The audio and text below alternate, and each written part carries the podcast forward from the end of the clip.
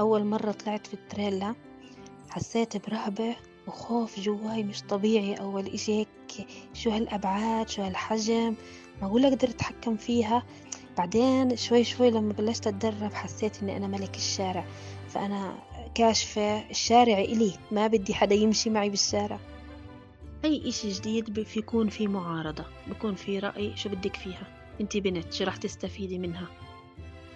أهل جيران طبعا أي إشي جديد إنه شو بدك فيه. حتى لغاية الآن بعض التعليقات إذا على الفيس أو فقدتي أنوثتك شو بدك فيها؟ ارجعي للمطبخ ارجعي للبيت. بستغرب إنه إحنا وصلنا لمرحلة لسات الناس بتفكر إنه شو بدك فيها. طب أنا مش غلط ما أنا بتعلم بزيد مهارة. إذا ما فادتني أنا كتريلا بتفيدني بتعليم طالباتي على أبعادها على قياساتها كمان تحدي للوحدة إنها بنت وقدرت تتحكم في مركبة كبيرة وتسيطر عليها. كتير إشي حلو. أنا بحس إنه كتير ممتع يعني. بدأ الموضوع بشكل كتير بسيط وعفوي. كان الهدف إشي شخصي بحت ليتحول لتغيير بالصور النمطية. بس بالنسبة إلها كان الموضوع هو تعلم ومتعة. نسرين اللبدي مش بس بتسوق شاحنات وتريلات هي كمان مدربة مدربة على قيادة هذا النوع من المركبات. وبهيك دخلت عالم كان حكر على الرجال. رح تحكي لنا قصتها القصيرة. عائلتي كانت مكونة من خمس أخوان شباب وإحنا بنتين فأنا أكبرهم. أختي أجت بعد فترة طويلة يعني آخر إشي بعد كان عمري 8 سنوات. فضليت لفترة طويلة كنت الوحيدة الوحيدة البنت على شباب كنت مدللة أكبر وحدة أتحمل مسؤولية. في المدرسة كنت متفوقة كانوا يحكوا عني إني مشاغبة هيك كنت أسمع وإنه كان أسئلتي كتيرة وباستمرار بحب الحركة. بس كانت علاماتي متفوقة في المدرسة. بما إني الأخت الكبيرة كنت مسؤولة عن إخواني كنت أتابعهم أتابع أمورهم أدير بالي عليهم. فهذا الإشي خلاني أتحمل مسؤولية وأي إشي بعمله إني أتابعه وأدير بالي إنه يكون فيش فيه أخطاء. طبعا بهداك الوقت ولا كان في بال نسرين إنه تتجه لتعليم السواقة. كان حلمها وهي صغيرة تكون دكتورة وفعلا حققت الحلم بدراستها للتمريض. لكن بعد الزواج والإنجاب بدأت تتعلم قيادة السيارات. كانوا لما يسألوني شو بدك تصيري لما تكبري أجاوب دكتورة. كان والدي يجيب لي الألعاب البلاستيك اللي فيها سماعة علب أدوية الشغلات الطبية هاي اللي كنا نلعب فيها وإحنا صغار.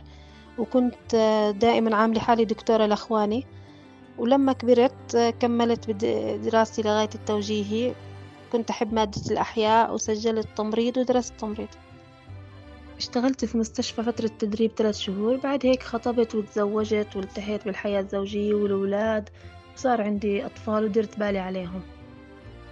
بداية كنت حابة إني أتعلم السواقة مثلي مثل أي ست بعد ما يكبر أولادها شوي بتبلش بدها تتعلم السواقة على أساس تخدم حالها تجيب أغراضها تخدم أولادها في حال مرضى. سجلت وبلشت أتدرب وكانت أموري كتير كويسة. بس أثناء التدريب لما بلشت أتقن حسيت حالي إنه هذا الإشي اللي أنا بدي إياه. وهون صار الاختلاف بحياة نسرين وكأنه في إشي جواتها مخبى طول السنين وما كان مبين. وبذهابها للحصول على الرخصة لاقت اللي كان مخبى جواتها. أثناء التدريب كنت أسأل المدرب كيف الواحد ممكن يصير مدرب؟ شو الشروط؟ شو الإجراءات؟ طب أنا حاسة حالي كويسة متقنة. في إشي بعد هيك؟ في إشي ممكن أتعلم كمان؟ فدايما دايما كان يكون في إشي جديد في إشي أتعلمه. كل ما أطلع درجة بالسلم في يصير عندي فضول للدرجة اللي وراها شو بدي أتعلم شو في متخبي ورا هاي الدرجة. أتعلم أشياء جديدة وكانت تنقلني من درجة لدرجة.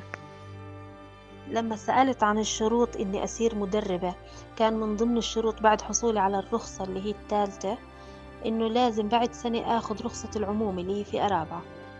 وبعد ما أحصل على الرخصة في أرابعة كمان في عنا دورة مدربين نخضع لها بعد سنتين من العمومي من رخصة العمومي. وتابعت الخطوات وضليت مسجلة وتابعت أخذت الرخصة الخصوصي وبعد سنة العمومي بعد سنتين دورة مدربين. الحمد لله أني جبت الأولى وكنت متفوقة لكن باستمرار كانت أسئلتي كتيرة. حتى الميكانيك كنت أسأل عنها أسأل عن كل إشي.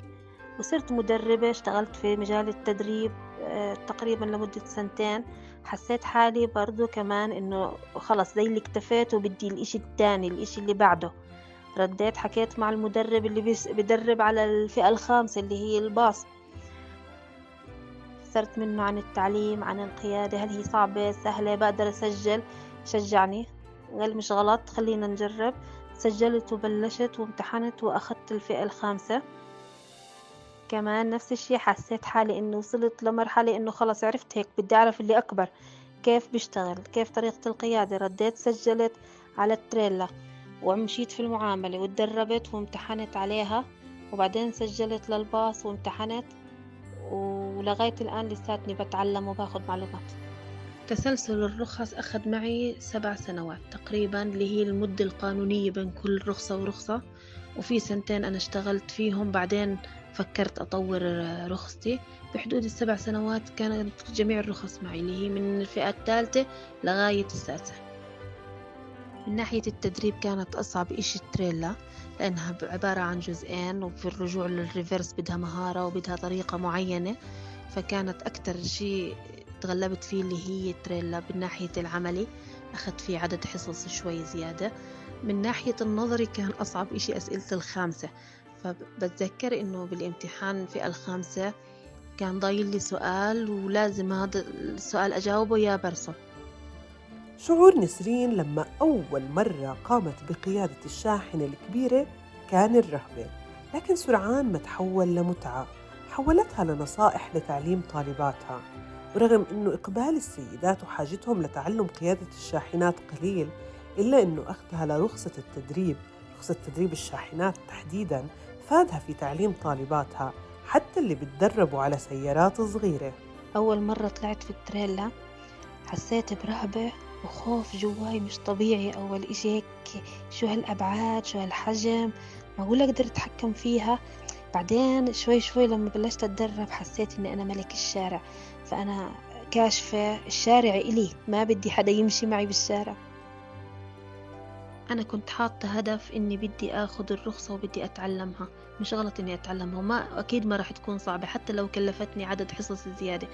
كنت أتعلم وكل مرة كنت أكتشف إشي جديد لكن كنت أشعر بالمهارة بمتعة إني أنا متحكمة في إشي كتير كبير وصعب ممكن مش أي حدا يتقنه. أنا أصلا مدربة. ولما أخذت رخصة التريلا ضفتها إضافة على تصريحي فمن الأساس أنا مدربة. شو كنت أتعلم؟ كنت أعطي الطالبات. شو كان المدرب يشرح لي؟ صرت أشرح للطالبات لكن صرت أشرح من وجهة نظري أنا. الأشياء اللي أنا بشوفها اللي أنا بقدرها. شو أخطاء البنات؟ كمان وجود بنت على التريلا صار يصير فضول عند البنات. إنه معقول إحنا البنات بنقدر نسوق تريلا طب تعالوا جربوا. كثير كانت ممتعة حتى لطالباتي في السيارة الصغيرة لما بدربهم صرت أدربها على شايف التريلا؟ هاي مش شايفتك أنت بالنقطة العمياء إلها. لما يلف ما تيجي جنبه فصرت أنا أحمي الطالبات من أكثر الحوادث اللي بتصير مع سائقين التريلا من السيارات الصغيرة.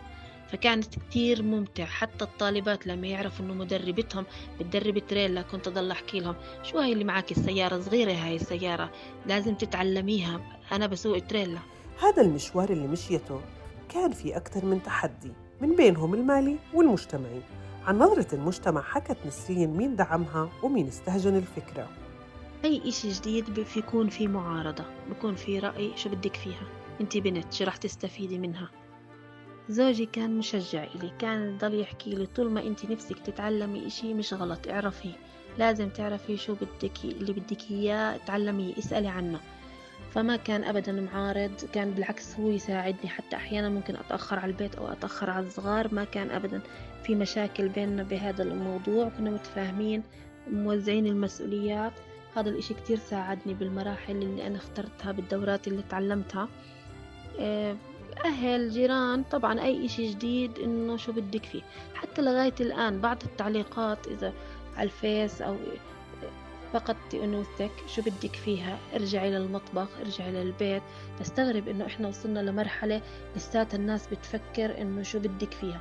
طب أنا مش غلط ما أنا بتعلم بزيد مهارة. إذا ما فادتني أنا كتريلا بتفيدني بتعليم طالباتي على أبعادها على قياساتها. كمان تحدي للوحدة إنها بنت وقدرت تتحكم في مركبة كبيرة وتسيطر عليها. كتير إشي حلو. أنا بحس إنه كتير ممتع يعني. دائما لقيادة المرأة للسيارة كثير من التعليقات والانتقادات والسخرية. دائما المجتمع بوصم السيدات بعدم قدرتهم على القيادة وبيستخدم النكت للتنمر والإساءة. لكن نسرين اللي قادرة اليوم تقود وتعلم على قيادة الشاحنات كسرت هاي الصورة. أنا دايما بحكي إنه الست بتعمل حادث والشاب بيعمل حادث لكن لو طلعنا على نتائج الحادث اللي بتعمله الست أو بيعمله الشاب الست ممكن جناح غماز يعني جنب السيارة بتضربها أما الشاب كل حوادثهم كلها قاتلة. أغلب نسبة الحوادث وارتفاعها من وراء الشباب وتهور الست مهما كانت مهما عملت بضل عندها الالتزام بضل عندها حس المسؤولية بتخاف أولادها ما رح تكون متهورة في السواقة طبعا لكل قاعدة شواذ لكن في بنات والله أمهر من الشباب. ومنلاحظ إحنا بالشارع هاي الشغلات في شباب أبدا والله حرام إنه يركب سيارة. أما من الناحية المادية كان هناك تحديات واجهت نسرين لأنه بكل تأكيد كل هاي الشهادات بدها جهد ووقت وتكلفة مادية. من ناحية مادية كان الموضوع مكلف. طبعا بدي أسجل بدي أخذ حصص. في حصص كنت أروح مش فاهمة إشي طبعا. أشعر حالي إني أنا مش فاهمة. بدي أرد أعيد هالحصة لأني ما فهمت منها إشي. أرد أخذ حصة تانية. ما كنت أبدا أبدا إني أنا أتأخر أو أحاول أفصل بينهم لأني أنا دائما بدي أتعلم. فما كنت أفصل بين الحصص وأخذت عدد حصص. بالمقابل كان زوجي متعاون وما كنت أخجل إني أطلب منه مصاري. لأن أنا ما بدي أعمل له عبء على إشي أنا أنا حابة. فكنت أشتغل حصص عادي على تدريب السيارة. كان جزء منه هذا يكون مخصص لتدريب الهواية اللي أنا بدي أتعلمها. التعلم والمزيد من المتعة والشغف هي الأشياء اللي بتشوف فيهم نسرين إنها قادرة تحقق فيهم الأحلام. بالنسبة لموضوع الأحلام والطموحات بحس حالي بختلف شوي عن باقي الناس. في ناس بكون عندها حلم إنها توصل لشي. هلا أنا ما عندي سقف لطموحاتي. أنا حلمي كل إشي جديد. طموحي أتعلم كل إشي. وأكيد مش ممكن نختم الحلقة بدون نصائح من نسرين لكل اللي بيسوقوا سيارات أو بتعلموا القيادة.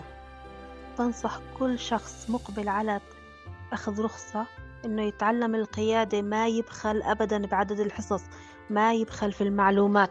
مش غلط إني أتعلم مش غلط إني أطور مهارة. حتى لو شعرت إنه عندي ضعف في شغلة معينة بضل أشتغل عليها لغاية ما أتفاداها. نسبة الحوادث مرتفعة كتير. إذا من فكرنا في الأسباب راح نلاحظ ممكن سرعة ممكن مو حاط حزام أمان. فبكون السبب كتير تافه لكن هو أودى بحياته فهي كتير بتوقع على عاتق أي شخص بده يعمل عملية القيادة مسؤولية نفسه مسؤولية المركبة مسؤولية المشاة مسؤولية المركبات اللي حواليه. كل هذا من مسؤولية هو على السائق نفسه. مش غلط إني أحط حزام الأمان أبدا مو ضعف أبدا مو ضعف إني أسأل أي شخص عن أي معلومة أنا بجهلها. شو الغلط لو التزمت بالقواعد والأولويات؟ شو الغلط لو أني أعطيت أولوية؟ للأسف هون بالشارع ما في حدا بيعطي الأولوية الكل بياخد. فبكون مجرد التفكير لمدة ثلاث ثواني قبل ما أتصرف كافي في إنه يبعد أي إنسان عن الحادث. دائما إحنا بنحكي للطلاب بنحكي للطالبات. مو الشطارة إنك أنت تتفا... تضرب سيارتك والغلط مش عليك. الشطارة إنك تتفادى الحادث من الأصل. بعد ما يصير الحادث ببطل مهم هو الغلط علي ولا مش علي. بالنهاية أنا خسران. هذا عداك على إني ممكن أتعرض لأي إشي بالجسم إنه يصير في معي ضربة يصير معي أي إعاقة. فأنا طول ما في مجال أتفادى الحادث عادي أعطي أولوية طلع الناس. أي حدا بده يأخذ الأولوية أعطيها. ابدا ما بتكون متمسك فيها. أحط حزام الأمان مش ضعف. أنا مدربة وبحط حزام الأمان. كل متر أنا ما بضمن شارع شو بصير معي. القواعد والأولويات انعملت أكيد لحماية الناس. لو الكل التزم بالقانون التزم بالسرعة التزم في الأولويات أبدا ما بيصير حادث. المشاة بالذات لازم لازم حتى الست أو الشاب لما بيتعلم السواقة مشيته في الشارع بتختلف. بلش يفهم من وين يقطع الشارع من وين يعمل وقوف هو مرئي ولا مش مرئي. فهاي الشغلات لازم لازم وعي مروري سواء الشخص معاه رخصة أو ما معاه رخصة. مش غلط إني أفتح في عنا النت في عنا أي مجالات أي بروشور ممكن أقرأه بفيدني أنا حتى لو فادني كسائق بفيدني كمشاة بفيدني كأي شخص ممكن أستعمل الشارع